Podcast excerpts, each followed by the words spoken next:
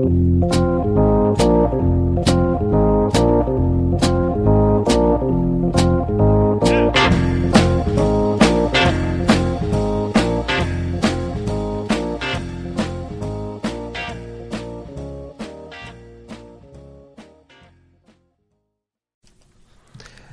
och välkomna till Bröla Böla Podcast. Eh, och idag gästas vi av, ja vem då?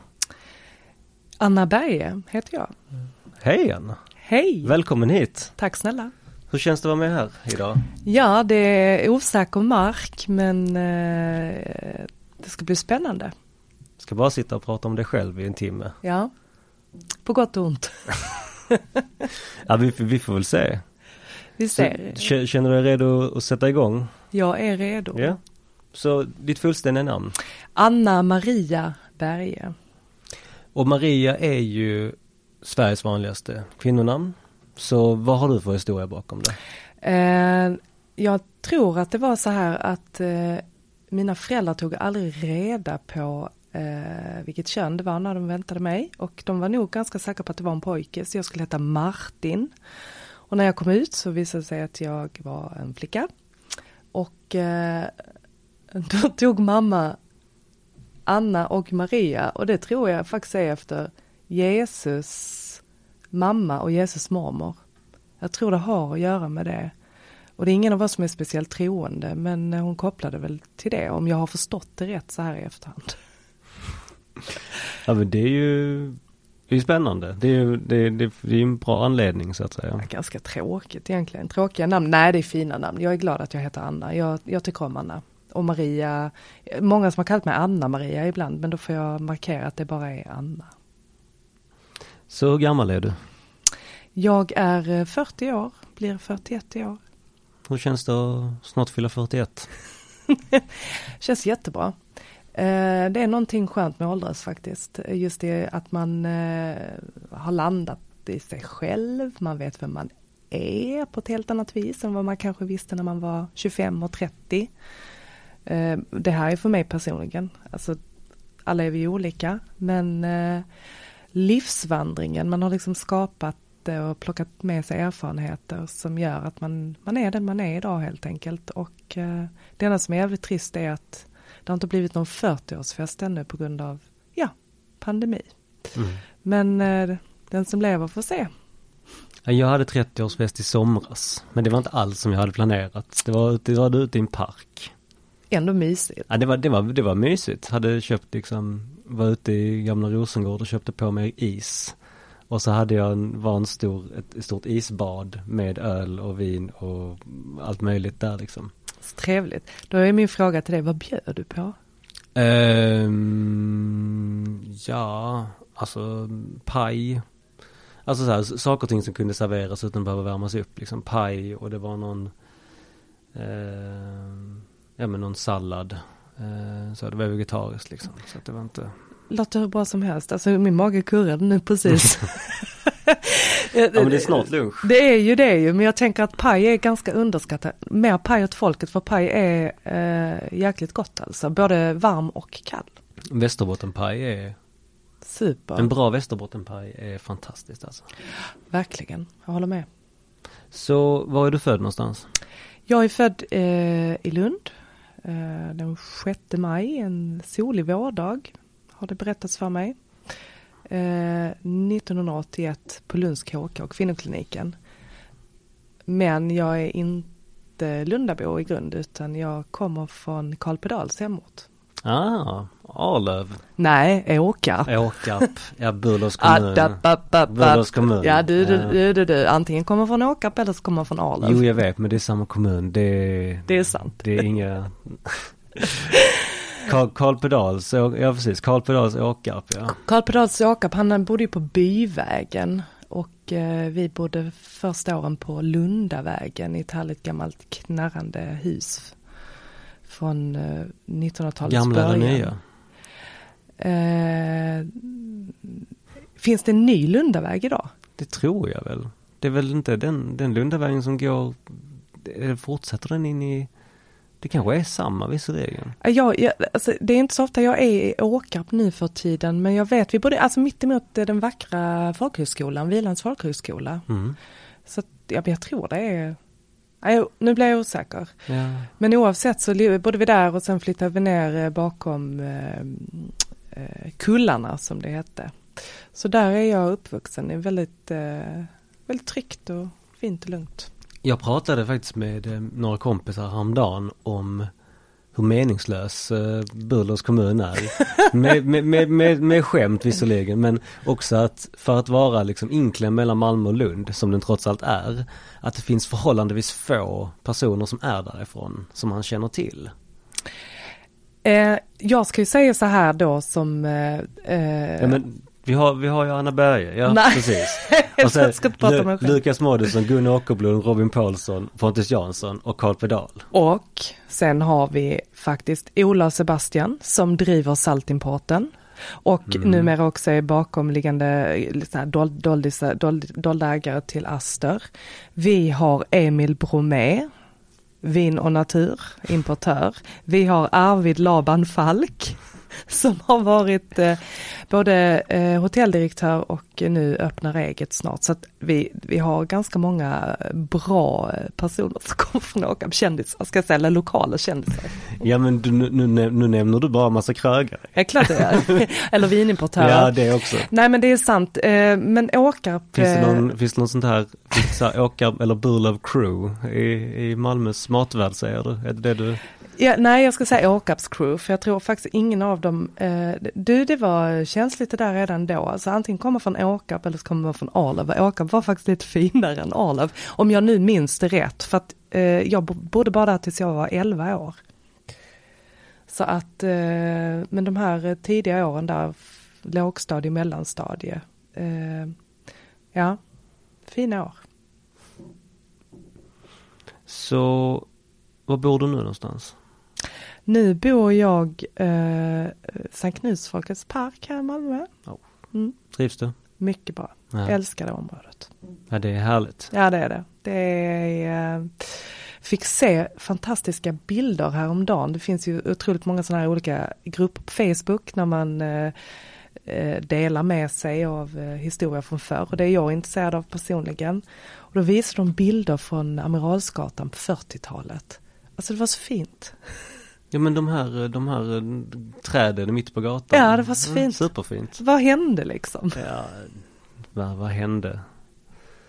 Det, det, pratade, det pratade jag också i tidigare avsnitt om. Det var, liksom, det var säkert inte illa menat men den här rivningsvågen som skedde liksom med Caroli och, och Lugnet och så. Det var säkert, det var, det fanns en tanke bakom det. Det skulle vara till gyn för alla men Faktiskt, du har rätt där. Det är, det är väldigt sorgligt. Sydsvenskan hade ju en sån här kalender Mm. föregående år som man kunde följa om rivningen av Lugnet. Och jag såg det. man fick nästan en uh, tår i ögat. Uh, jag kommer ihåg, det var ju ett par där som var, lämnade sitt hus sist av alla.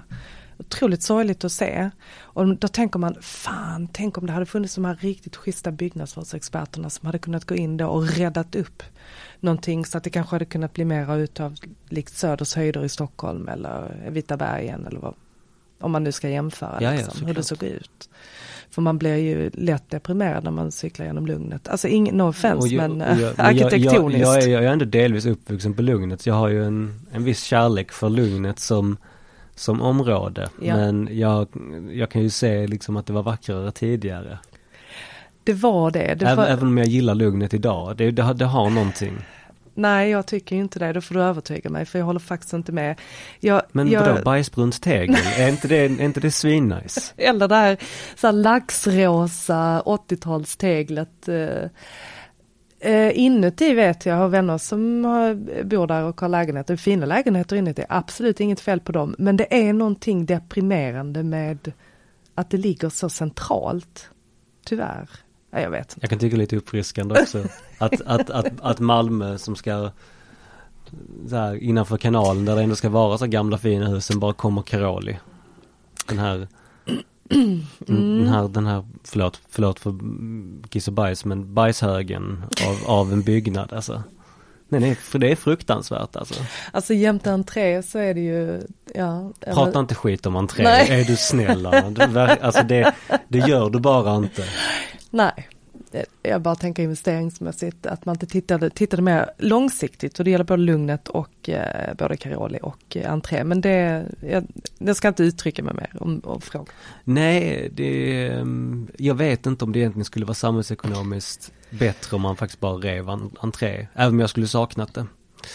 Varför inte anlägga en park där istället? Eller varför inte För det, riva? det, är, det är för centralt, det är för mycket pengar. Det, är samma, det, det fanns ju en liten park där på Vielstorp och nu ska de bygga där. Ja, För att det är för mycket pengar i, sen så kan jag ändå fatta det att det, vi måste ha fler grönområden, ja, men vi måste också bygga hus. Så, ja, eh, ja jag, jag vet att det är många motioner som har lämnats in till Malmö stad i fråga tidigare. Men nu är det som det är och det får vi acceptera och vi går vidare va? ja, nej, Ja. men vi ska lära känna dig ännu lite bättre. Okej. Så vilka är de sämsta egenskaperna du fått från dina föräldrar? Oh, eh, det är ju nog en egenskap som, jag tänker för- framförallt, jag och min pappa är väldigt lika varandra i mångt och mycket. Eh, på gott och ont. Men eh, vi har väl en orädsla i oss, att vara orädd kan vara en eh, extremt eh, dålig egenskap. Det kan också vara en väldigt positiv egenskap. Men eh, den här or, icke-rädslan, att våga och våga för mycket ibland, har väl gjort att vi båda, eller jag då har ja, ramlat på lite nitar på, eh, på livets meny, i, i livets meny ska jag säga. Men eh, jag ser det också som en positiv egenskap faktiskt, eh, så här i efterhand. Men eh, att vara orädd. Mm. En klyscha, men man stärks ju av sina motgångar på något sätt. Verkligen. Och eh, jag tackar väl pappa för det också. Och eh, envishet, det är också något som är positivt och negativt. Men att vara envis i vissa situationer eh, hjälper mer än hjälper, skulle jag vilja säga. Jag gjorde en väldigt grabbig grej häromdagen. Vilket innebar att jag lyssnade på ljudbok. För det första, jag, lä- jag läser ju inte boken. den är det fysiska boken. grabbigt? Nej men jag, jag, jag kommer till det. Men du lyssnade på en biografi om andra världskriget. Det är, det är det grabbiga i det. Aha, Eh. Och då Mm. var det en av de här gamla, eh, numera skruttiga männen som, som framhävde liksom Enda anledningen att jag kom dit jag var, att jag klarade mig genom kriget, var min envishet. Vilket, och envisheten är en oerhört underskattad eh, egenskap att bidra med i en grupp, i, en, i, ett, ar- i ett arbete, i en, i en personlighet. Sant. Och jag bara så här, jag håller med. För jag är också så oerhört envis. Alltså det, du, jag, jag håller med dig fullständigt. Det är, eh, du, om du gör, alltså, om du, om du är envis på rätt sätt. För att du måste ändå vara inlyssnande, framförallt också när du är, är i grupperingar. Eh, Men det kan eh, hjälpa dig att man inte ger, efter. Om man tror på någonting riktigt starkt och man vet att i slutändan kommer det vara lönsamt eller det kommer gynna. Eh, Där är ju envishet någonting jäkligt bra med sig men sen kan man vara envis i sådana små grejer som bara blir av det liksom. Ja såklart. Mm. Nej men en, en ödmjukhet inför sin envishet. Precis. En Självinsikt. Ja exakt. Borde man tatuera över bröstet eller någonting. vad snyggt. Ja. Mm. Så om du fick ändra något i din uppväxt, vad skulle det vara? Ehm, oh. Hur långt definierar vi uppväxt till? Tills jag flyttat hemifrån menar du? Säg, jag, jag tänker, för mig är uppväxten liksom, ja, typ så. Alltså typ till, till man är vuxen. Alltså jag skulle egentligen säga så här faktiskt ingenting för mina föräldrar. Inget ont mot Åkarp. Men mina föräldrar gav mig en fantastisk uppväxt. För vi flyttade utomlands i början av 90-talet. Så jag är faktiskt uppvuxen i eh, Belgien.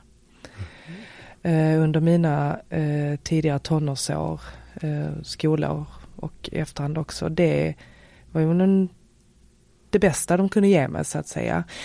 Eh, skulle det vara någonting jag tänker så här, hmm, skulle jag ändrat på det eller inte? Det väl, hade väl varit att jag, jag fick, fick ett möjlighet att eh, resa iväg eh, över Atlanten till USA när jag gick på gymnasiet. Eh, och eh, det gjorde jag inte. Det hade jag nog, om jag hade gått, åkt tillbaka i tiden idag så hade jag nog ändrat på det och, och gjort den där resan faktiskt. Eh, till Boston. Mm. mm. Ja. Så när känner du dig blyg? Aldrig. Självsäkert. Nej, jag är inte blyg. Uh, inte alls längre. Inte alls. Ja, det, det... Åh oh, gud. Jag måste tänka efter här, men nej, jag är väldigt oblyg av mig. Uh, och Uh, det är jag ganska glad över faktiskt. Jag tycker inte man behöver vara så, alltså blyg, det kan vara ju något, något fint också. Men eh, nej, oblyg. Okej. Mm. När var du arg senast då? Eh, det var jag i morse. När du inte hittade hit? Nej, precis. Vad fan är korvskaft? Jag ska inte säga högt nu. Jo Eh, får man säga det? Vi, vi, vi, sitter på... Vi sitter i Nyhamnen ju. Vi sitter, ja precis. Ja, men Slakt, slakthuset sitter vi. Mm, eller och spelar Nyhamnen. in. Ny Nyhamn. expan expanderingsdel av Malmö som är, blir intressant att följa under en tioårsperiod nu kanske. Ja, Växer fram ett helt nytt kvarter ju. ja. Eh, nej, men eh, jag var arg senast i morse eh, och då blir jag arg, men jag blir arg ett väldigt kort tag och sen går det över. Och då var jag arg för att eh, eh, vi har en pandemi och jag lyssnade på en av mina favoritsångerskor på eh, P1 Morgon, som jag lyssnar på varje morgon. Eh, Lisa Nilsson som debatterade med kulturministern och jag var arg eh, för, för hennes skull och hela hennes eh, eh, sfär av artister, scenarbetare, ja, kultur, kulturarbetare helt enkelt för att de inte eh, får den hjälp de behöver. Då var jag senast. Mm. Mm. Sen så, sen så kan jag väl tycka det jag sa det senast igår, jag kan tycka det är lite problematiskt att, att kulturministern, en av Sveriges ändå högsta ämbetsmän eller folkvalda, ska hålla på och ha någon in, individuell konversation med Pernilla Wahlgren. Det blir inte seriöst. Väldigt oseriöst. Men jag, Och, och, och samma sak med, med Lisa Nils. Alltså så här, sen att jag är helt med att, alltså deras eh, att, de, att, man att man får inte det stödet om man är alltså, men då ska inte ministern gå in där och gå in i liksom enskilda ärenden. Det blir inte, det blir jättekonstigt. nej men skill- vad jag tycker då öppnar man ju en dörr som inte är, Ja, fast jag tycker att det ändå att det är en skillnad mellan Pernilla Wahlgren och Lisa Nilsson för det första.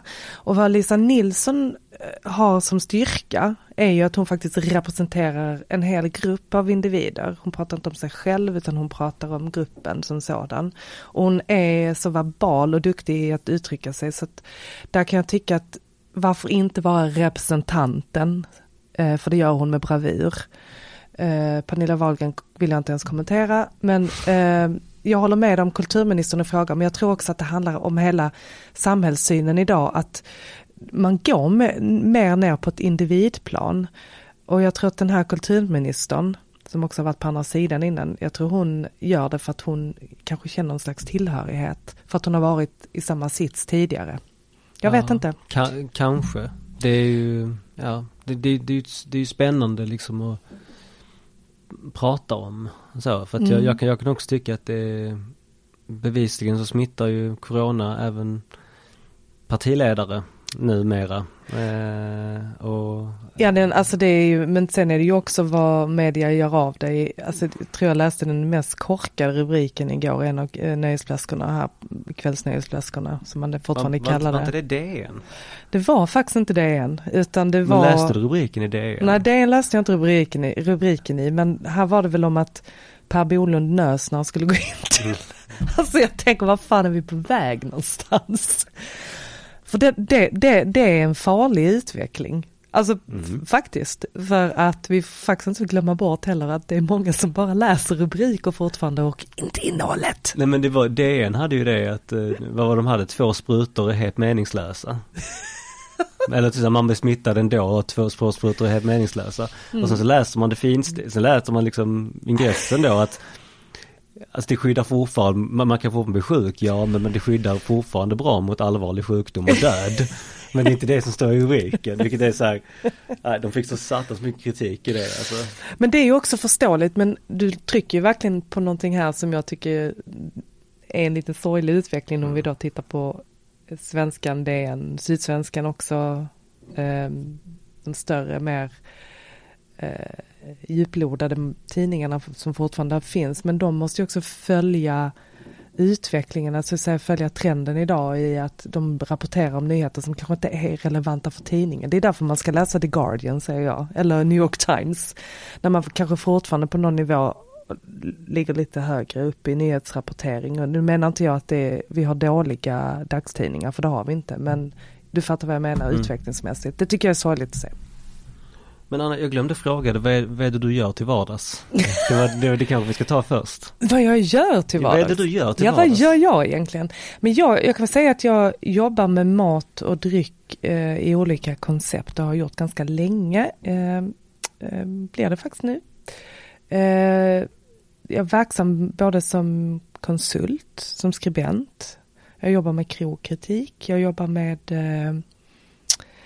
eh, föreningslivet när det rör mat och dryck. Eh, inte bara på en regional nivå utan också på en lite nationell nivå och på en internationell nivå i olika projekt.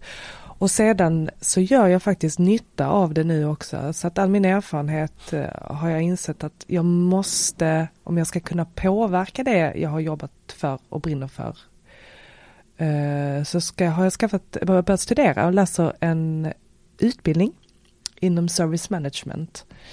Eh, där jag faktiskt kan använda min erfarenhet och jag ser ju mig själv att jag ska kunna jobba med destinationsutveckling eh, på ett fastare plan eh, om några år faktiskt.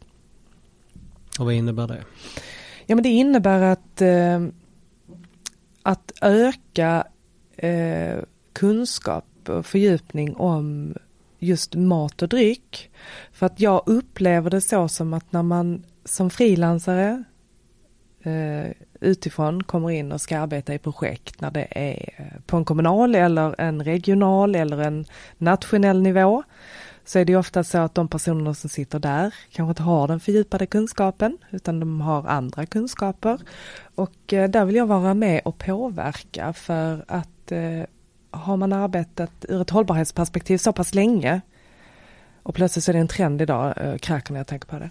För att det är många som behöver förändra ett helhetssätt, ett synsätt. Då tänker jag att, ja, men, kan, jag, kan, jag, kan jag förändra, då ska jag vara med och göra det. Och eh, därav så läser jag den här utbildningen som är, är väldigt bra faktiskt. Så det är det du gör? Ja, jag, både, jag studerar 100%, jag jobbar eh, ungefär 60% nu och sedan så har jag mina sidoprojekt hela tiden som jag håller på med så att jag har att göra. Och så är jag småbarnsmamma. ja, ja, men det var bra att vi tog det i rätt ordning. Ja, fick du det. vi, får, vi, vi fortsätter då. Ja. Eh, vad hoppas du andra ska komma ihåg dig för? Att jag kanske gjorde någon slags skillnad just i det jag precis har nämnt. Att men, hon var med och skapade det där som fortfarande finns, att kvalitetsmässigt då, just när det rör mat och dryckesbiten. Eh, så, faktiskt. Tror du andra ser dig som en bra lyssnare?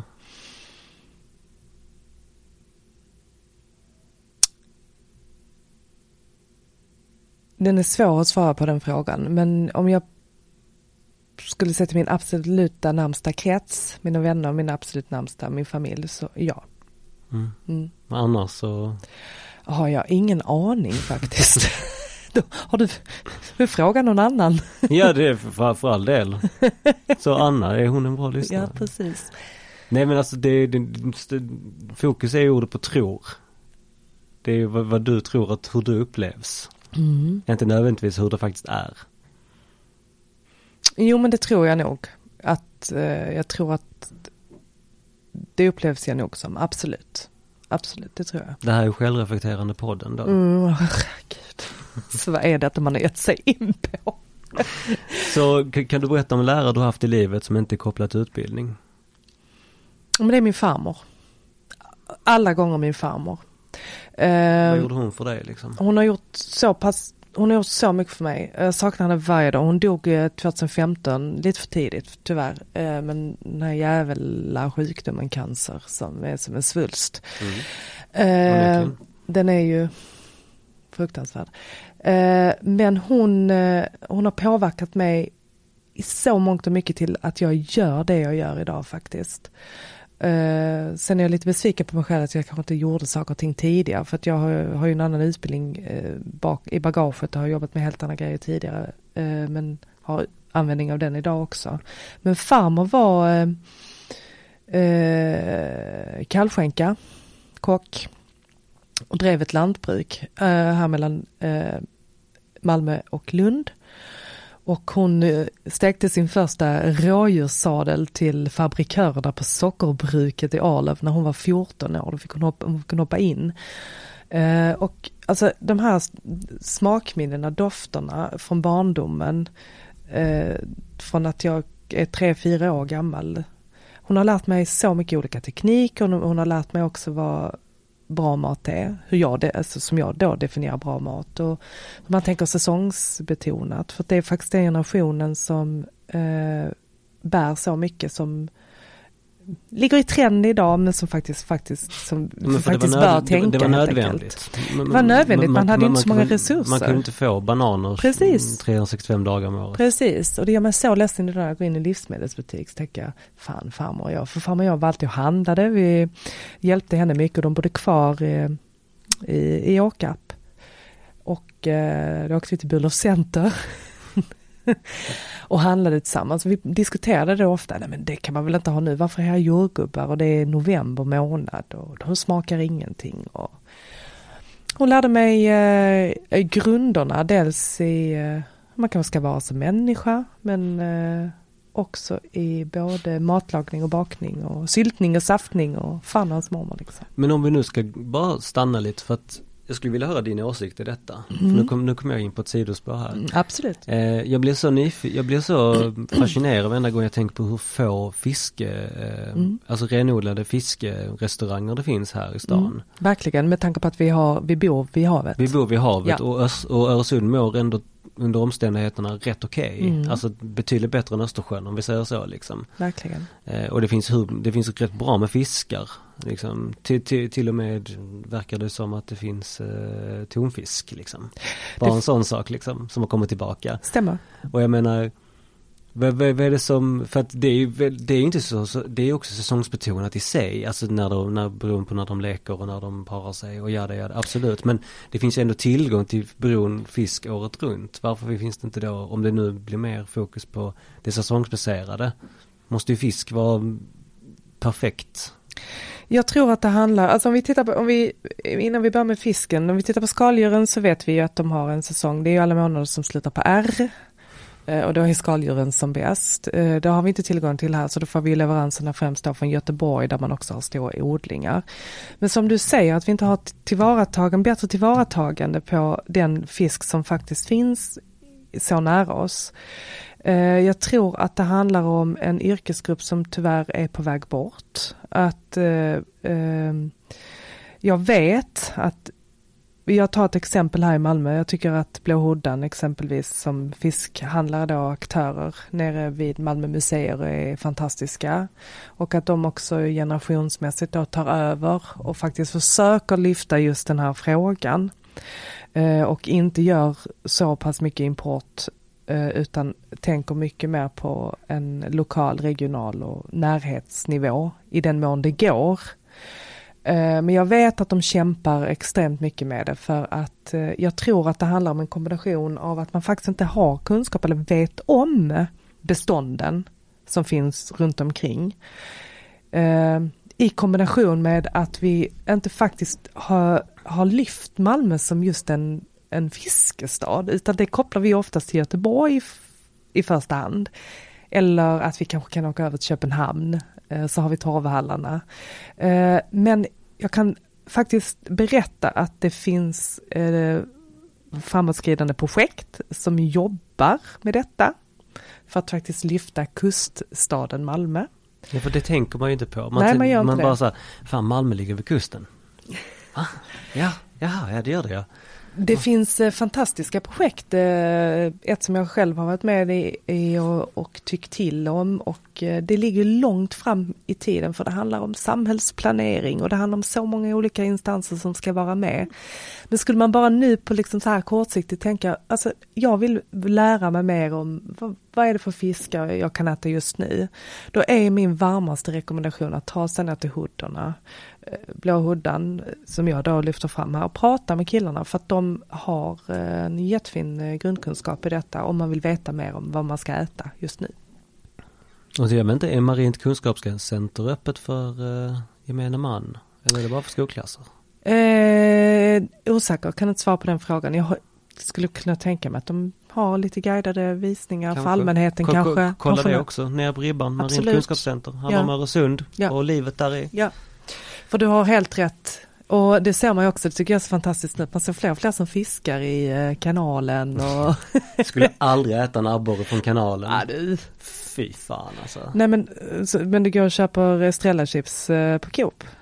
Eh, sällan, mm. men eh, det, så det var, det var ett dåligt exempel. Ja. Men, eh, men, jag, men jag, jag förstår, jag förstår ja. eh, vad du menar. Mm. Det var mer att jag, jag vet att Malmö kanal var en latrin liksom under 300 år. Så jag var inte liksom Ja men vad fasiken, alltså kiss mår vi inte, urin har vi inte mått dåligt av. Och, jag, jag tror att eh, du har rätt, det handlar ju lite om vad som finns inuti, det kan vi kanske inte se men skulle vi kanske bli bättre på att inte skräpa ner och städa upp och sanera lite så tror jag att vi skulle ha eh, ett fantastiskt eh, fiskebestånd i kanal, Malmö kanal om, om några år bara. Ja, jag tycker att eh, ett, ett mål måste ju vara att man ska kunna bada i kanalen. Fan vad mysigt.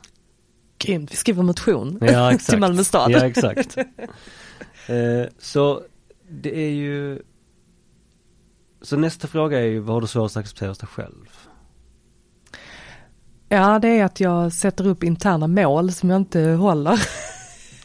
och det kan jag säga så här att jag har inte knappt tränat sedan äh, barnet kom. Det är tre år sedan. Nu får jag tacka någon, någon där uppe för jag har väldigt bra ämnesomsättning. Jag rör på mig en stor, eh, men det handlar inte alls om det utan det handlar om ett inre välmående. eh, och jag har liksom så här, jag tänker varenda vecka, åh nu ska jag åka ner till Kallis och jag ska tvaga mig och jag ska ta ett riktigt, riktigt, jag ska ta flera långa kallbad, sätta mig i bastun och lyssna på de här fantastiska historierna som de här visa äldre damerna delar med sig av. Och jag ska springa hem. Det händer ju aldrig liksom. Eh, men tanken finns ju där hela tiden så att jag behöver bli mycket bättre på att uh, sätta upp mer interna mål för mitt eget välbefinnande så att säga. Så är det. Så vad har du störst risk att bli beroende av? Uh,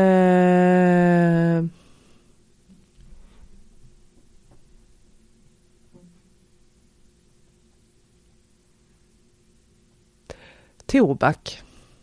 Mm, absolut. Jag eh, eh, tycker om tobak och jag har varit en gammal rökare. Inte på daglig basis, men jag kan ta en cigarett då och då fortfarande. Det får man inte prata om idag. Men eh, där har jag varit nog rädd i att eh, ramla tillbaka igen så att säga. För jag tycker det är väldigt gott. Eh, även om det är skitfarligt. Men allting ska ju göras med måtta. Så är det ju bara. Så att eh, det handlar ju om att skapa den där inre balansen. För det här med förbud och sånt det är jag nog eh, emot. Men om det skulle vara så att man förbjuder cigaretter om tio år så är det inte fel kanske, tänker jag. Nej, men inte, heller, inte, alls. inte heller om förbud där, liksom, var, om man börjar med cigaretter, var, var går gränsen då? Är det, är det, är, är det alkoholhaltiga drycker? Är det, är det bara någonting som skulle kunna vara eventuellt farligt? Fett? Alltså chips, godis?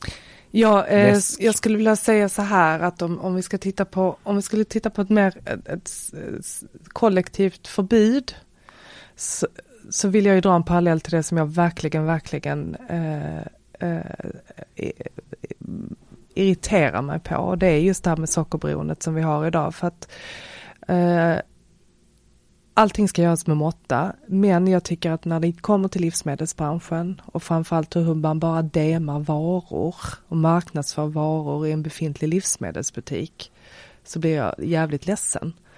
Eh, när man oftast ser de här transfetterna och eh, lösgodis och, och eh, chips eller vad det nu kan vara alltid står först och det är oftast det är lägre priser på den här sortens eh, varor. Och jag tycker att där behöver livsmedelsbranschen ta ett mycket, mycket större ansvar, arbeta mycket mer lokal lojalt, heter det, regional lojalt med mindre producenter som kanske odlar och som eh, eh har köttproduktion, fisk, fiskproduktion eller ostproduktion eller vad nu skulle kunna vara, lyfta fram det för att också kanske kunna pressa ner en prisbild lite så att det ska vara någonting som är lite mer för alla. För alla. Inte bara som i Salahallen. Precis, inte bara, det, inte bara Malmö Salahall, för Malmö Salahall har ett jättefint syfte för en viss jag, publik. Jag, jag, jag gillar, förstå mig ja. rätt, jag gillar Malmö Salahall. Ja, men, men att skapa en men... ökad medvetenhet kring vad är, vad är bra mat och dryck och vad är sämre mat och dryck. Utifrån att man ska liksom vara kanske lite mer varierad. Och jag tänker ju på det som småbarnsförälder nu också, så fick jag höra det, jag var med sonen hos tandläkaren och frågade eh, hur är det med barns tänder idag liksom? Det var ingen rolig lyssning där. Det är i ganska ung ålder för att det är mycket, mycket av oss sitter i tänderna. Det får fasken inte glömma. Glöm inte bort att gå till tandläkaren, det är min uppmaning. jag är inte så bra på det själv men jag försöker i alla fall en gång om året. Men mycket sitter i våra tänder. Eh, och där ser man ju, sa den sonens tandläkare då att eh, tyvärr är det ju mycket läsk, socker och mög i väldigt, väldigt tidig ålder idag. Tandsten, karies, eh, hål, när man liksom kanske är två år. Då blir man ju ledsen. Ja. Och det handlar ju liksom också om att mat är ju tyvärr en socioekonomisk fråga i mångt och mycket. Det är en klassfråga, tyvärr. Och då menar jag att, man, alltså att öka medvetenhet, bara att kunna äta bättre, tänka säsongsbetonat. Nu, nu är vi, vad är vi för säsong nu? Vintersäsong. Ja, bra. Och då är det ju så att vi har, vad har vi tillgång till då som om vi tittar på hemmaplan?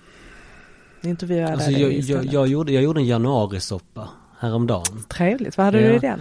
Paprika, mm. gul lök, krossade tomater. Mm. Uh,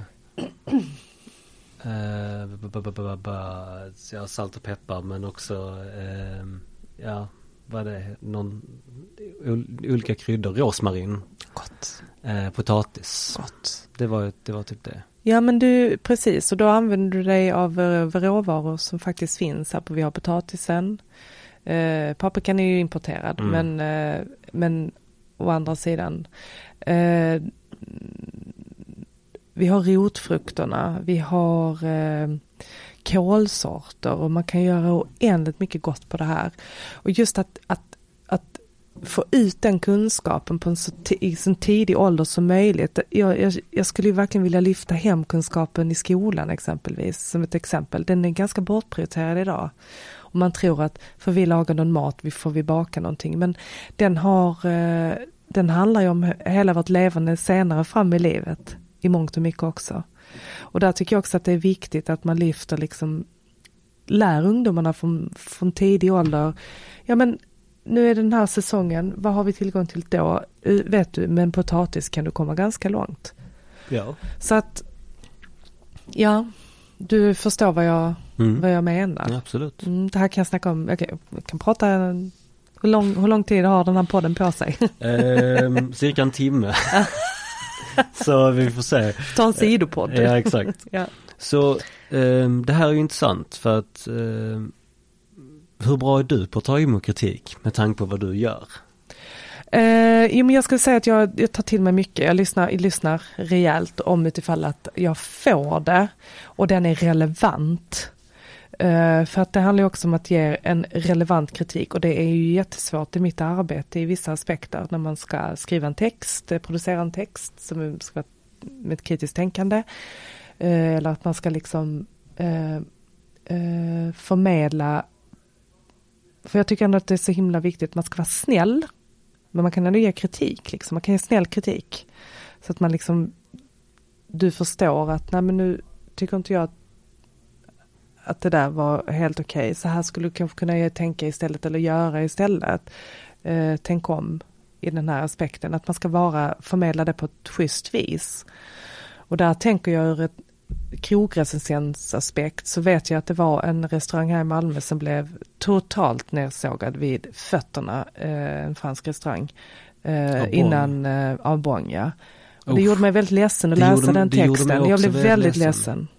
Den, var- den var inte alls, den var inte... Jag var inte ens kritisk, det var bara en, en eget tycke, smak och personlighet som liksom lös fram. Men det, det, det, var ju, det var ju karaktärsmord av en restaurang. Faktiskt, och då får man liksom får man inte glömma bort liksom att det ligger ju mycket hårt arbete bakom och att man, man, man kan eh, förmedla vad är det som behöver förändras istället.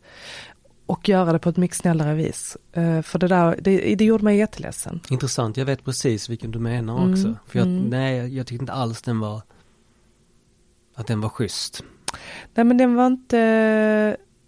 Eh, Bång är krogkritikern i Sydsvenskan ska vi säga, för er Precis. som inte vet. Precis. Den, den var, eh, det var precis som att den var personligt riktad. Mm. Och det är det största misstaget du kan göra när du skriver en, en recensionstext. Eh, Då får du ju mer göra en analys eller en, en, eh, eh, ja, en krönika så att säga. Men eh, det är ett exempel på hur man inte ska ge kritik. Men jag tänker att jag, eh, det är någonting man lär sig med åren också. Jag är bra på att lyssna in det idag. Jag var inte lika bra på det att ta kritik kanske för 30 år sedan. Äh, 30 år sedan, jag säger 10 år sedan. Det var bara 10. Men eh, det är ju också någonting som kommer med på, det här, på den här livsvandringen, livets meny. Det är gött att bli äldre. Och nu, nu har vi lärt känna dig lite bättre. Så nu ska vi känna, lära känna lite mer oseriösa sidan i dig. Mm. Den lite mer, kanske lite barnsliga sidan. Jag vet Absolut. inte, får vi ju se. Så sjöjungfruar. Föder de levande barn eller lägger de ägg? För en jävla fråga. Det är en jättebra fråga tycker jag. Ja, det är, det, det, är... det är typ min favoritfråga. Jag tänker logiskt här nu lite. Eh, havet är djupt, tänker jag. Och så tänker jag AI, eller så tänker jag att man är på Filmstaden där. eh, där så, så såg man den filmen. Så tar hon den där, så tänker jag på Lilla havfrun. Alltså är det väl både och där, för hon är ju halvt människa, halvt fisk. En kombination av det. så jag vet inte. Den lilla havfrun. Vad, vad tror du? Vad, vad tror Nej, det du? är, stö- frågan är ställd till dig, nu får du, nu får du svara på den. Alltså, jag vill inte svara. För jag har fått, jag har fått jättemånga olika svar. Mm, men jag, jag är ingen sån som tänker här, lägga, lägga, göra långa utlägg om det här. För det här är verkligen inte mitt gebit. Det är ingenting jag går och tänker på. Men för mig är det ju, alltså, Kanske du borde. det är en kombination där. Alltså, jag föder hon le, levande, levande, eller ägg, ja, jag vet inte. En blandning. Vadå? Halvt ägg, En halvt... människa i ett Ja, ja. Nej men okej. Ja. Nej men ehm, eh, det här är ju någonting man får gå hem och läsa, läsa lite mer om tänker jag. Det här ska ska ska jag fördjupa mig. Ja, ja men återkom. Jag återkommer i frågan. Jag lägger en kommentar när den här podden släpps. Så ska jag lägga en kommentar Du i gör, du gör det helt rätt kommentarsfältet där. Nu har jag tänkt, tänkt igenom det här. Men Det gör du absolut Eh, rätt i. Men jag tänker, bara, jag vet inte vad, jag tänker ju bara på Lilla havfrun när du säger detta. Jag får fundera vidare. Ja. Mm. Så om du fick resa tillbaka i tiden, vad hade du rest då? Oh, det vet jag, det kan jag svara direkt på. Mhm. Då hade jag varit med motståndsrörelsen under andra världskriget. Jag är superfascinerad av eh, först, både första och andra världskriget. Och jag har ju läst historia eh, i Lund. Och det är ju eh, perioder som verkligen fascinerar mig. Jag har slukat många böcker om detta, varit på eh, eh, slagfält. Både nere i Frankrike, i Belgien. Jag har besökt eh, en stor del koncentrationsläger faktiskt. Intresserad av, av den perioden. En mycket mörk historia. Skulle du vara med liksom i motståndsrörelsen i. Nederländerna eller Vichy eller? Vänta lite. Ja, ja. Ska jag ta på mig min, min basker här? Oh, Mhm. riktig. Jajamensan. 100% motståndsrörelse säger jag. Uh, Allo Allo Emily Garmén, en av mina absoluta eh, favoritkomedier, serier genom tiderna. Eh, jag hade lätt varit med i motståndsrörelsen i, eh, på den franska landsbygden Mm. och stridit mot uh, nazisterna. 100% ja. Mm. Hade du varit, eh, hade du varit, hade du haft en lite styvmoderlig inställning till Dugal eller hade du gillat honom tror du? De Gaulle, Mm. De Gaulle, nej ja. monsieur de Gaulle, Ja, ja, de Gaulle, ja, ja. ursäkta mig. Jag pratar tyska, jag pratar inte franska. Mais moi je parle français. Ehm, eh, jag har aldrig funderat på om jag skulle haft en styvmoderlig inställning till Nej, honom. men, men, men bara så här, hade, hade du varit, hade du varit sån här, eh, hade du varit en sån motståndsman som hade kört sitt eget race eller hade du varit en del av liksom, jag hade nog varit den som eh, hade haft eh, det lokala bageriet i en fransk liten eh, småstad. Och sagt bonjour och känt alla i byn. Eh, och så hade jag gömt människor på flykt. Eh, både de som kom från andra länder, för det var många som passerade i ström genom Frankrike där eh, just i början. Eh, precis innan ockupationen av Paris och eh, efter som kom då från östra Europa. Eh, men också då eh, eh, fransmän själva som flydde runt för att de ockuperade olika zoner liksom fram till, tills att hela Frankrike ockuperades. Och då hade jag haft mitt bageri och så hade jag eh, gömt eh, folk på flykt i, eh, i källaren. Hade gjort riktigt mysigt till dem där nere. Eh, och eh, hade ändå haft, som- hade ändå haft en, en eh, tänker jag, vänlig eh, men icke personlig kontakt med fiende så att säga. Så att jag hade varit ganska neutral men liksom jag hade så tänker jag att jag hade agerat. lite Glorious Bastards? Ja precis, Ja. absolut. Ja, här, Någon du- form av, eh, ja. Fast, det, fast då- är han mjölkbonde väl? Han är ju mjölkbonde där Ja, istället, just det. Jag läste en jättebra bok eh, för några år sedan just eh, om två kvinnor då, eh, sys syskonpar ute på landsbygden som just då, då var inte hon, hade inte hon ett bageri men hon eh, bodde också i en lite mindre fransk by och hjälpte många på flykt. Eh, och jag tror att det handlar jättemycket om, om eh, att det grundar sig i civilkurage. För det, det tycker jag är A och O. Och t- kanske inte sätta sig själv först. Ja, verkligen. Mm, att Tänka det, på andra. det man, ja. Mm. Så nu, nu pratade vi om Anna Maria. Var, Mm. det, var det namnet kom ifrån. Mm. Men om, de, om du fick döpa om dig själv. vad skulle det vara?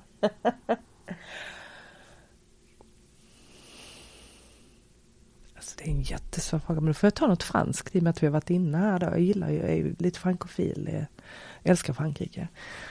Och har varit där väldigt mycket. Eh, mm,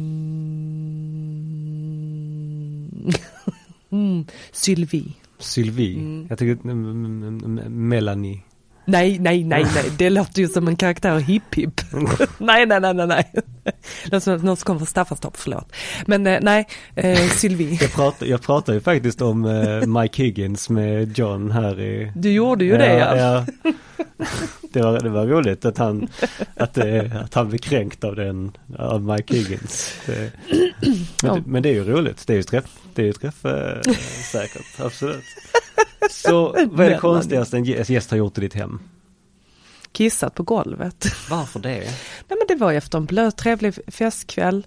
Eh, jag, jag hade eh, innan eh, eh, jag träffade min sambo som jag bara nu lever tillsammans med idag så hade jag en fantastisk lägenhet eh, och köket var 22 kvadratmeter stort. Och då lät jag en av våra duktiga lokala möbelsnickare här snickra så här superlångt härligt bord för att det är liksom det det handlar om att sitta ner tillsammans. Måltiden är central, man äter och dricker gott och sen så får man jätteintressanta samtalsämnen på vägen.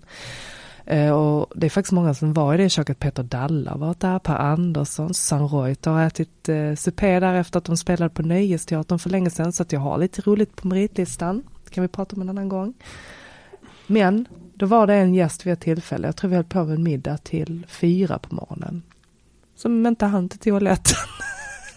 och det är okej, alltså det är, jag, jag tänkte på det faktiskt, tänkte faktiskt på det om dagen. Jag pottränar nu hemma. Så det händer ju mycket olyckor.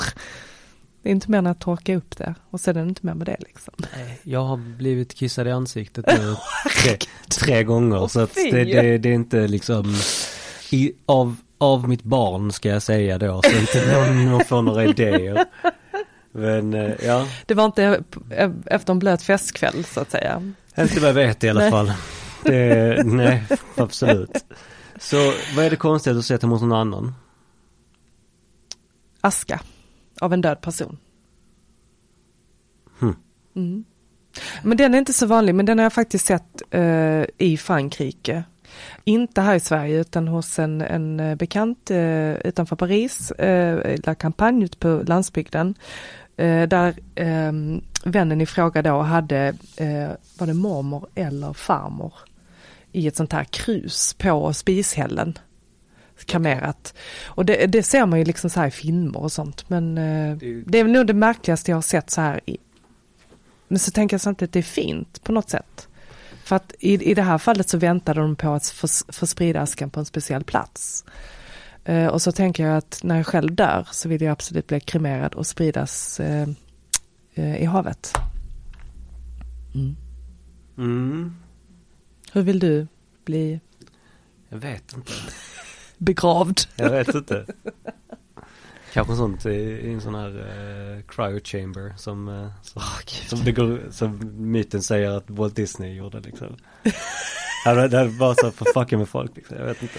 Men det är fint det här med, alltså gravstenar i all ära. Är det Lenin som ligger vid eh, Röda torget? Ja det kanske det Är det väl? Ja det är det kanske. Ja, Typ så. ja lite så. Ja. Bombastiskt. Ja. Nej men det är fint med gravstenar, alltså, vi har ju vackra kyrkogårdar här i Malmö. Ja, Eh. Mellersta kyrkogården, Östra kyrkogården. Alltså just när man går och tittar på gamla gravstenar och sånt och eh, tittar på namnen och man tänker kanske på en historia bakom. Förr i tiden så skrev man alltid ut arbetstiteln. Tycker jag är fantastiskt. Bagare.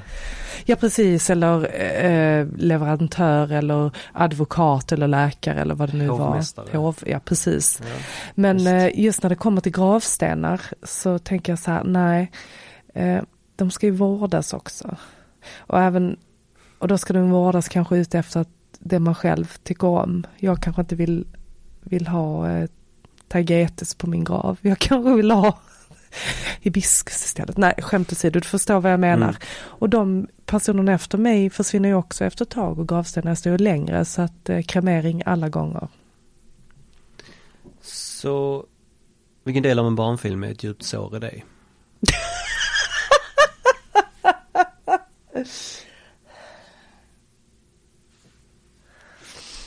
Ja, det är Lejonkungen. Alltså Mm. ja, det, den berör mig fortfarande i att det är inte, det är inte lite djupt eh, ärrat sår när Scar då dödar Mustafa. Mufasa. Mus, heter Muffa, vad heter Mufasa? Eller Mufas- Mus, Mufasa. Mufasa, Muffa, M- Mustafa heter han ju inte. Mustafa heter inte, du ser.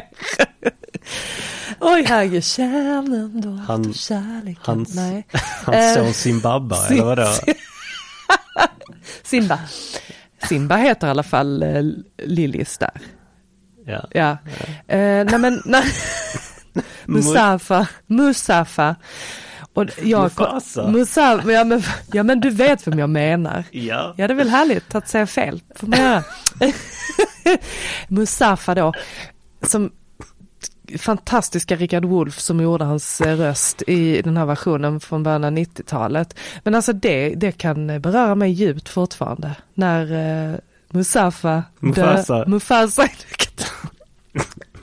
Får inte dricka här inne i studion annars hade jag behövt lite vatten i. Men eh, dödar eh, Simbas pappa som då heter Mufasa. Mufasa och som dödas av Scar. Ja. Så är det, Scar är det. Det är Richard Wolff som gör eh, eh, Scars Mm. röst.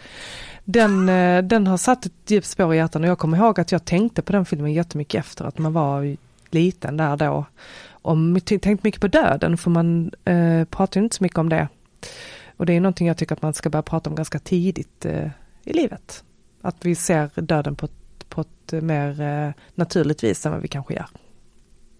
Här hemma, Ja, här. Ja. ja. ska jag säga. Så... så har du några tatueringar? Absolut. Har jag. Har du någon kul historia bakom dem? Eh, ja, eller nej, det har jag inte. Jo men jag kan visa två här för det är det här. Tror du det här är? Eh, det där ser ut som en rödbeta. Ja det är det ju. Det är från jord till bord, lite signifierar liksom vad jag alltid har tyckt och tänker och älskar eh, grönsaker så att jag har ju faktiskt bara grönsaker på mig. Nästan. Eh, det är en rödbeta som är synlig.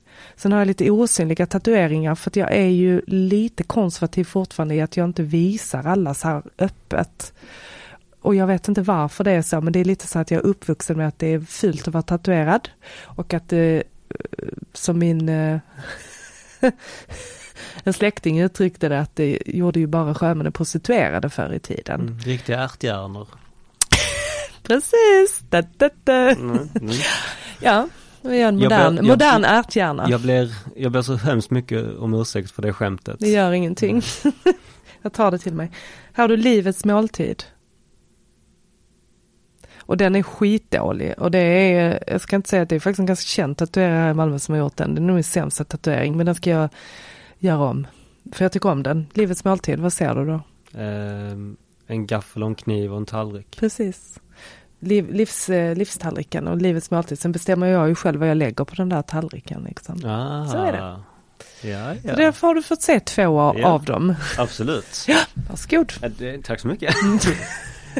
så eh, nu ska vi in på Malmö. Mm. Så är du Malmöbo eller Malmöit? Jag är eh, både och. Okej. Okay. Mm. Kan man vara både och? Ja det kan man absolut vara. Nej men eh, jag bor ju i Malmö så jag är Malmöbo. Mm. Men jag är också extrem Malmöit för att jag representerar Malmö dels eh, på ett offentligt, eh, framförallt på ett offentligt plan med tanke på att jag tar hand om eh, många av de som kommer eh, utom Socknes in till stan, det vill säga utländska journalister. Eh, så att jag kan väl säga lite att jag är en ambassadör för en viss kategori eh, av Malmö. Eh, så att Malmöit i den bemärkelsen absolut att lyfta eh, stadens eh, eh, olika sidor. Och sen är jag ju intresserad av eh, inte bara mat och dryck utan också av historia och konst och eh, kultur. Eh, det enda jag inte är intresserad, speciellt intresserad av är faktiskt fotboll. Ska jag gå nu? Nej, Nej. behöver du inte. Uh, men jag tycker vi, det är vi fantastiskt vi ska inte att, prata så mycket om fotboll. Nej, men jag tycker att det är fantastiskt att MFF gör väldigt mycket uh, för, uh, för staden som många inte känner till. Utöver att spela fotboll faktiskt. Så det tycker jag faktiskt är ganska viktigt att lyfta fram. Eh, om man tänker så på det. Men jag är uppvuxen med, eh, i en, eh, ett omklädningsrum med svettiga pungar och liminent eh, doft. Och min pappa spelade fotboll på en ganska hög nivå länge. Och är engagerad idag i MFF. Så att jag är så trött på det. Och som, alltså han kommer till och med för sent till min eh, mamma och hans bröllop för att han skulle spela en match. så är det. Ja, ja. Men jag gillar, jag har varit på lite matcher och gillar atmosfären. Men jag tycker att eh, man kan säga både Malmöbo, för jag bor i stan. Och, eh, men jag är inte uppvuxen i Malmö. Men jag är faktiskt, eh, skulle jag säga, en Malmöit för att jag jobbar som ambassadör för staden på många sätt. Absolut. Så vad är Malmö för dig? Parkernas stad. Nej, det är det absolut inte bara. Malmö är eh, för mig eh, en fantastisk kokande gryta av så många olika eh, eh, ingredienser. Om jag nu ska göra en metafor av det här. Eh, där vi faktiskt har en eh, tillgänglighet. Vi har eh, dels att vi då tillgänglighetsaspekt i att vi är nära kontinenten och vi lever nära en av världens i särklass bästa storstäder som ligger en bro bort, 20 minuter ifrån. Eh, eh, vi har också en tillgänglighet i att vi har ett otroligt varierat utbud av många olika aktiviteter som eh, lyfter stan på ett positivt vis. Och det tycker jag är väldigt viktigt att lyfta för att Malmös medierapportering har varit eh, eh, tråkig de senare åren för att det har varit fokusering på mycket hemskheter som har hänt och det är väldigt sorgligt att utvecklingen är som den är men vi har ju också otroligt många goda positiva faktorer vi faktiskt kan lyfta som gör Malmö till en fantastisk eh, anrättning i den här, från den här grytan så att säga. Mat, kultur, scen, konst, sport, olika evenemang. Det är kustnära. Eh, jag älskar Malmö. Och jag tycker Malmö är möjligheternas stad och det är också väldigt skönt att det är den är lite mindre för att du, du kan ta dig runt. Liksom. Tillgängligheten gör att du faktiskt kan ta dig runt ganska schysst eh, utan att behöva använda dig av en bil. av en bil? Nej, om man, om man ska liksom ut till Klagshamn eller om man ska ner till, för då kan det bli lite halvjobbigt. Då kan det ju bli lite jobbigt, men man kan ju man kan faktiskt cykla ut dit eller åka lokal, eh, lokal, eh, kom, kommunal, kom, vad är kollektivt heter det? Kollektivtrafik. Det det har jag gjort. Ja. Nej men eh, vad tycker du om Malmö? Men Malmö, Malmö är ju hemma. Mm. Det, det är den gamla det är den, det är kärleken som blir starkare för varje år, skulle mm. jag säga. Mm, sant. Desto, desto äldre jag blir, desto mer liksom, lokalpatriot blir jag. Vilket är kanske inte alls himla nyttigt. Men eh, jag tänker ju på det som jag vill fråga dig idag, om du tittar på utvecklingen av Malmö, du som ändå är född här och uppvuxen mm. här, och så tittar du på bara de senaste 10-15 åren. Mm. Eh, om vi då ska se hur Malmö marknadsförs på ett internationellt plan. Mm. Eh, hur,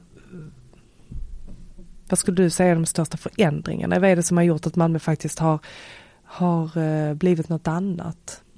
Än att bara kanske haft det rykte om att, att vara en ganska en arbetarstad och en eh, eh, ganska tråkig sådan så att mm. säga. För det var inte så många som ville flytta till Malmö för 20 år sedan. Mm. Nej, alltså det är väl att man vågat. Att man faktiskt har gjort.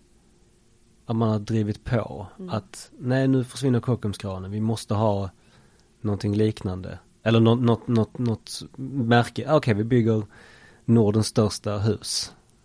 Okej, okay, visst vi måste, vi måste få igång eh, det lokala här. Jag menar, jag har gått på både Lunds universitet och Malmö universitet. Då det var en högskola, Malmö högskola då. Mm. Och jag måste säga att Malmö högskola representerar ju staden Malmö i sina elever mycket bättre än vad Lunds universitet gör i förhållande till. Det är väldigt stor skillnad. Verkligen. Eh, men, men också så här att man det verkar finnas en tanke bakom väldigt mycket. Alltså numera, att man, man river inte det som finns utan man bygger på där det har varit ödetomter. Man, har, man vill förtäta staden. Man, alltså så här, det, det, finns, det finns saker och ting att göra bättre. Det, men, ehm, men ja, ehm, i, i synnerhet så är det, jag vet hur det var förr. Ja, men och då, precis. Då, då, då är det allting liksom men jag, jag, hoppas att det gamla Malmö fortfarande får plats liksom. Att inte allting ska bli så jävla koncept och, och så. Det är också tråkigt.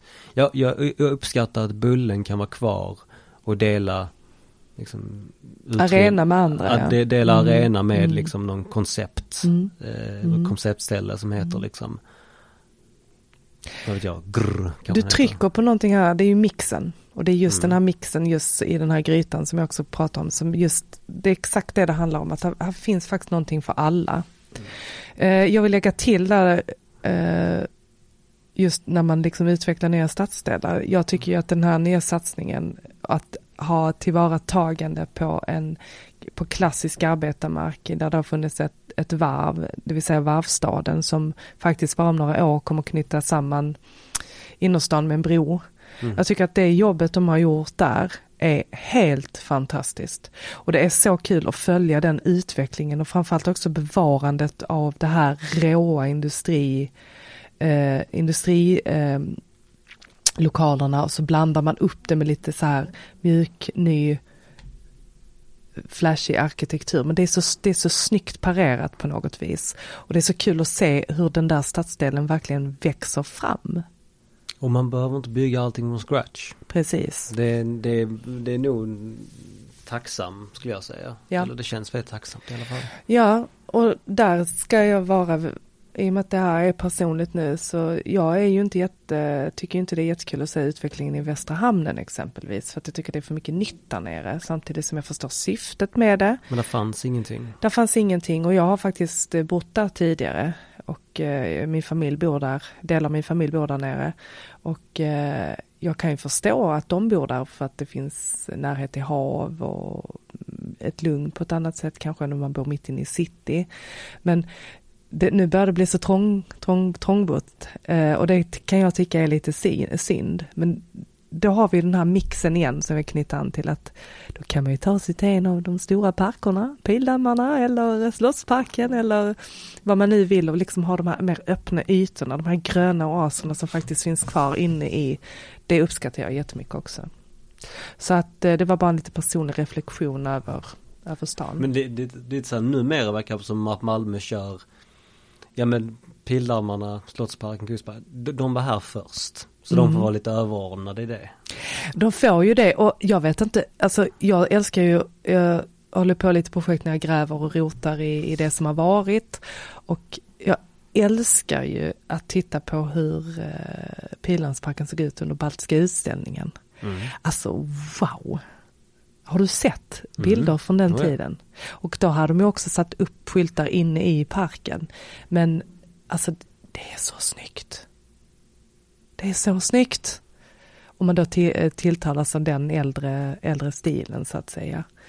Eh, och det är, så, det är så underbart att faktiskt sitta där en sommarkväll eh, vid amfiteatern och se någon, något ur programmet på sommarscen.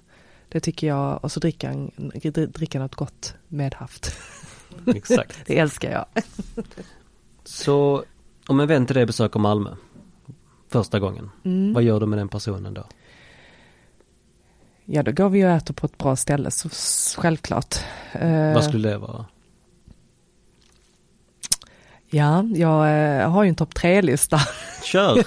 för, det, för det kommer nämligen sen, har någon favoritrestaurang så knyt ja, in det. Okay. Eh, ja, uh, jag har ju det här är också på ett personligt plan för jag passar mig lite här för vad jag säger. Podden handlar om dig. Ja, jag vet. jag eh, älskar restaurang Västergatan.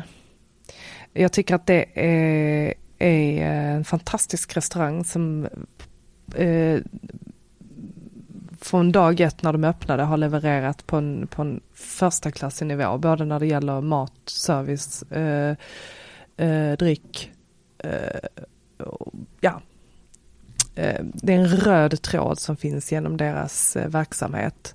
Och det, det, det är mjuka, sköna värden. Det är en riktig, riktig pärla. Så dit går jag nog och eh, äter gott. Eh, och sedan så skulle jag eh, givetvis på en cykel då, för att vi har, vi kan, jag tycker att det är väldigt skönt att cykla i stan. Så skulle jag eh, eh ta en eh, dessert, en extra dessert, för man eh, blir mätt på Västergatan, blir man absolut, men när man ändå är nere i de kvarteren så skulle jag gå till de som producerar bäst desserter i Malmö och det är Ryds, Gamla Bastad. Finns ingen, jag tycker de är outstanding när det kommer till eh, dessertskapande. Eh, jag skulle dricka lite gott vin, både på Lenoteka och på Julie, som är två av våra bra vinbarer och visa vännen det. Och sen ska jag nog sova över också tänker jag. Eh, och då skulle jag antingen ta min kompis och sova på Dux. Som jag tycker är ett väldigt bra hotell på, på Norra Vallgatan. Eller så skulle jag sova på O'boy-hotellet här nere i eh, eh, ja, dockan Västra Hamnen så att säga. Eller Västra Hamnen är det väl. Som jag också tycker är ett väldigt schysst alternativ. Eh, och sen så skulle jag vakna Eh, dagen efter och då skulle jag inte äta frukost på hotellet, inget mot hotellfrukost där. Då skulle jag ta mig till eh, det som är det absolut mest intressanta, det är en ny del också, det är Östra hamnen. Så då åker vi liksom på andra hållet, vi sitter ju ganska nära nu. Mygel. Självklart. Du, kan du läsa tankar? Ja, ja. ja. Och äta Malmös i särklass bästa brunch. Vilken helg då? Ja, nej, ja, det är både kväll och övernattning och eh, dag två så att säga. Men alltså jag kan ju fortsätta så här i oändlighet. Och jag skulle visa, jag skulle visa Möllevången som jag älskar. Jag tycker ja. Möllevången är liksom, alltså det utbudet som finns där både i mat och, och dryck och eh, specerivaror är ju fantastiskt alltså. Ja, jag, jag, jag ska göra Möllevången idag exempelvis. Ska du? Ja, visst. Var, var går du då någonstans? Eh, planen idag Eh, Lucky Diner. Ja, Eh, ramen till Birro.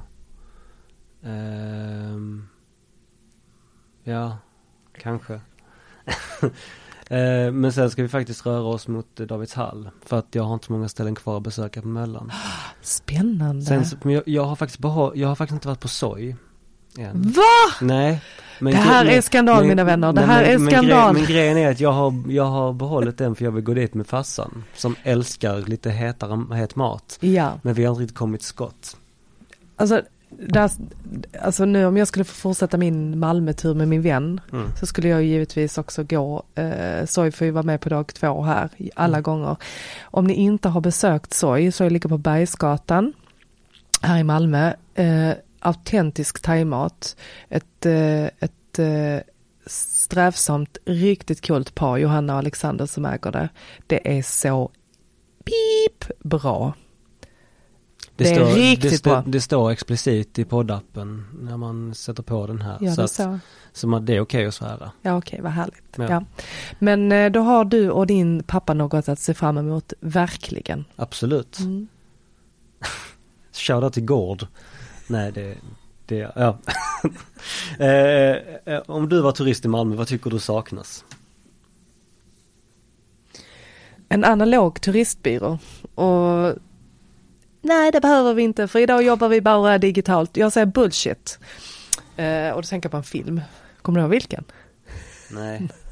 Hur man blir av med en kille på tio dagar. Åh, du, det har, det har kollats en hel del sådana filmer hemma under pandemin. Exakt. Ja, ja, fast jag kollar bara med ett halvt öga. Det, men de spelar ju ett kortspel som heter bullshit. Jag tycker det är ett bra ord. Bullshit. Eh, jag, eh, jag tänker alltid på det. Eh, det finns ju liksom eh, lokala guider, eh, många utländska städer som är väldigt bra på det. Då får man leta upp det via hemsidan, men de har ju faktiskt också en befintlig turistbyrå. Och då hävdar många att nej, men Malmö, Malmö är för litet för en analog turistbyrå. Och jag säger nej, för jag säger så här, det här första bemötandet av en någon eller några som har kunskap, kompetens och som kan den här stan, som finns på centralstationen gärna skulle jag säga, för att det liksom är en knutpunkt.